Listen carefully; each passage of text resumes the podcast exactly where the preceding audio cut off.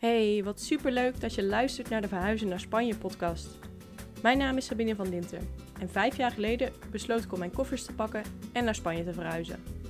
Dat was een stuk uitdagender dan ik dacht en daarom help ik jou nu ook om die stap te gaan zetten.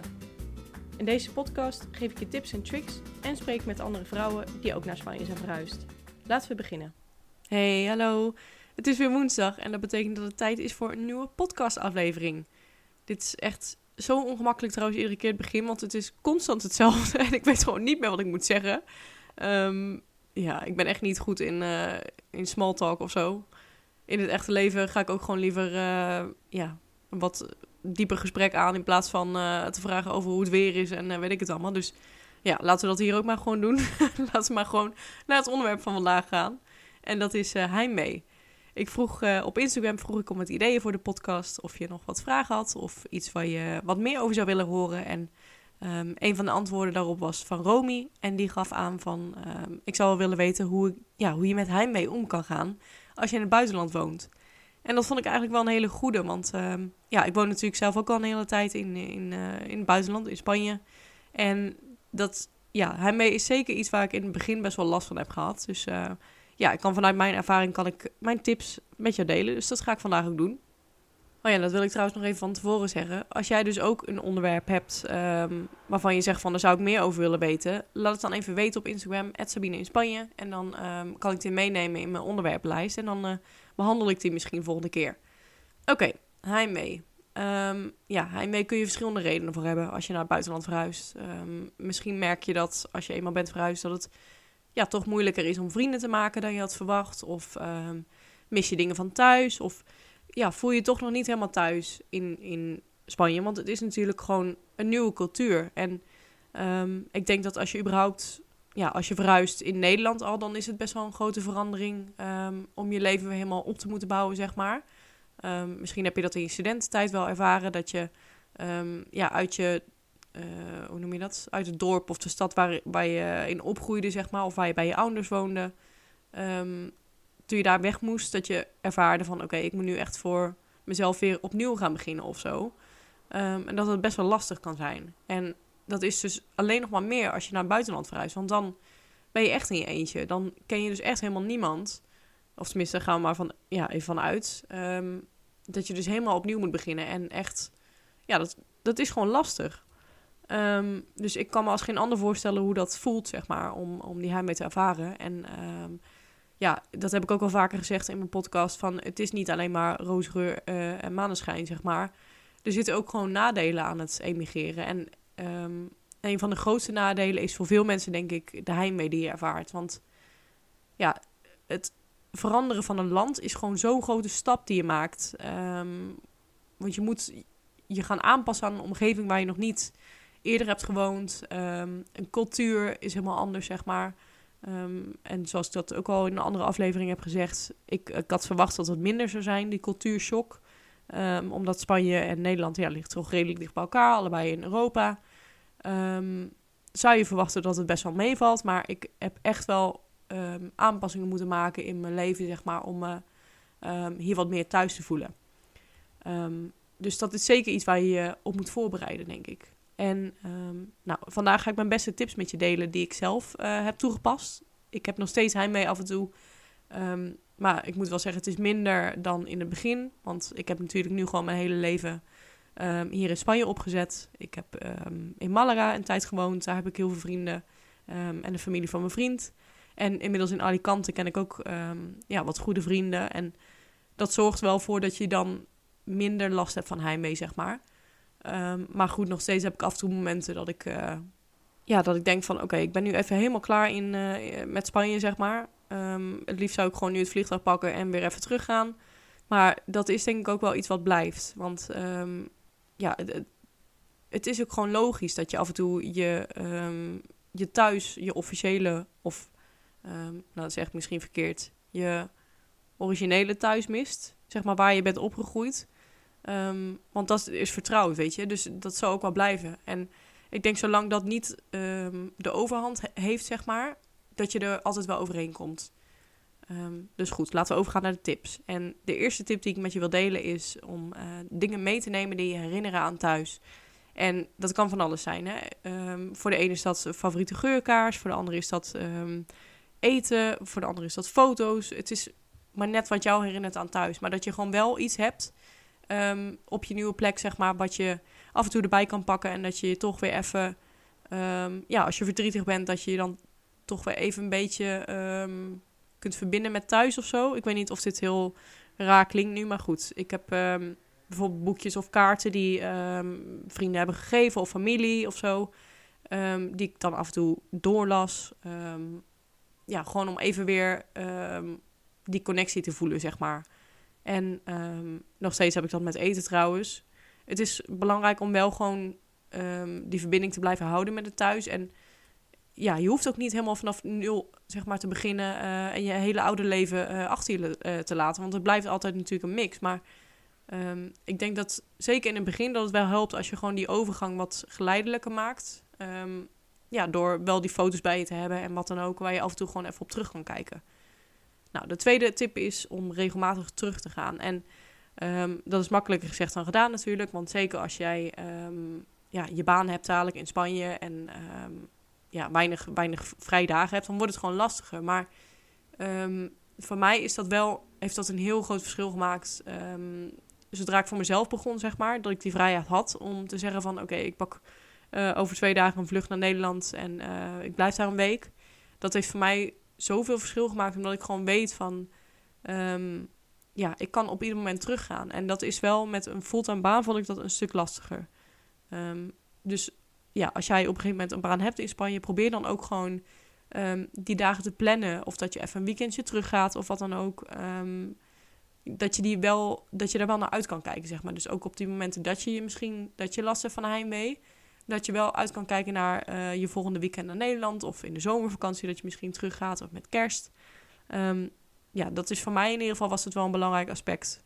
Of ja, is het nog steeds trouwens. Ik, ik probeer gewoon iedere maand terug te gaan, maar ja, dat lukt niet altijd. Um, maar het is wel voor mij heel belangrijk om um, ja, dat wel regelmatig te blijven doen en iedereen ook gewoon te blijven zien dan maakt het wel veel makkelijker om, ehm, als ik zeg maar hier ben, dat ik hier dan ook gewoon volledig kan focussen.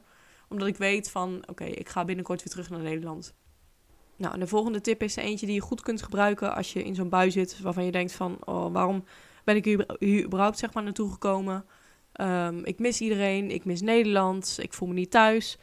Um, bedenk op dat moment waarom heb je die beslissing genomen? Want toen je in Nederland zat en je wilde super graag naar Spanje verhuizen, toen had jij je redenen daarvoor, weet je. Je hebt een lijst met redenen waarschijnlijk um, waarom je naar Spanje wou verhuizen. En schrijf die redenen ook gewoon op dan, want um, soms is het makkelijk om die te vergeten.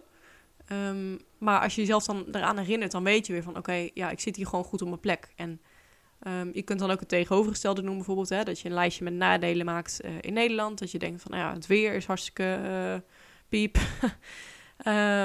en weet ik veel. Uh, je zit constant op kantoor, terwijl hier heb je veel meer leven daarbuiten ook. Dus ja, probeer gewoon, dat is trouwens de volgende tip, uh, probeer te focussen op het positieve. Want wat heb je wel? Ga niet alleen maar kijken van, oh, dit is zo vervelend, uh, dit heb ik niet, diegene mis ik of wat dan ook. Um, ja, focus op wat je wel hebt. En dat klinkt super cliché, maar het is wel echt zo. Um, ja, waar jij je aandacht zeg maar um, bij legt, daar dat groeit. Of ja, dat eh, ik weet even niet hoe die quote ging, maar waar je op focust, dat groeit of zo. Um, en dat is zo waar. Als jij constant alleen maar in een negatieve mindset zit, zeg maar, um, ja, dan is het ook gewoon lastig om die positieve kant te zien. Terwijl als jij ja, gewoon dankbaar bent en blij bent met wat je wel hebt, dan, dan is het veel makkelijker om daarop te focussen, zeg maar. En sowieso te genieten van de kleine dingen is gewoon heel belangrijk. Ja, een koffie in de zon of een wandeling langs de zee. Ik heb dat nog steeds trouwens hoor, dat ik echt van dat soort kleine dingen echt onwijs kan genieten. Um, en bedenk dan ook van, er zijn zoveel mensen die zo graag in jouw schoenen zouden willen staan nu. Um, en niet die stap hebben durven maken. Weet je, je hebt zoveel lef gehad dat je überhaupt die stap hebt gemaakt. Dus wees daar gewoon trots op en blij mee. Um, ook al is het makkelijker gezegd dan gedaan natuurlijk, maar het helpt wel echt om te focussen op het positieve. Nou, de volgende tip is om mensen vragen om je te bezoeken.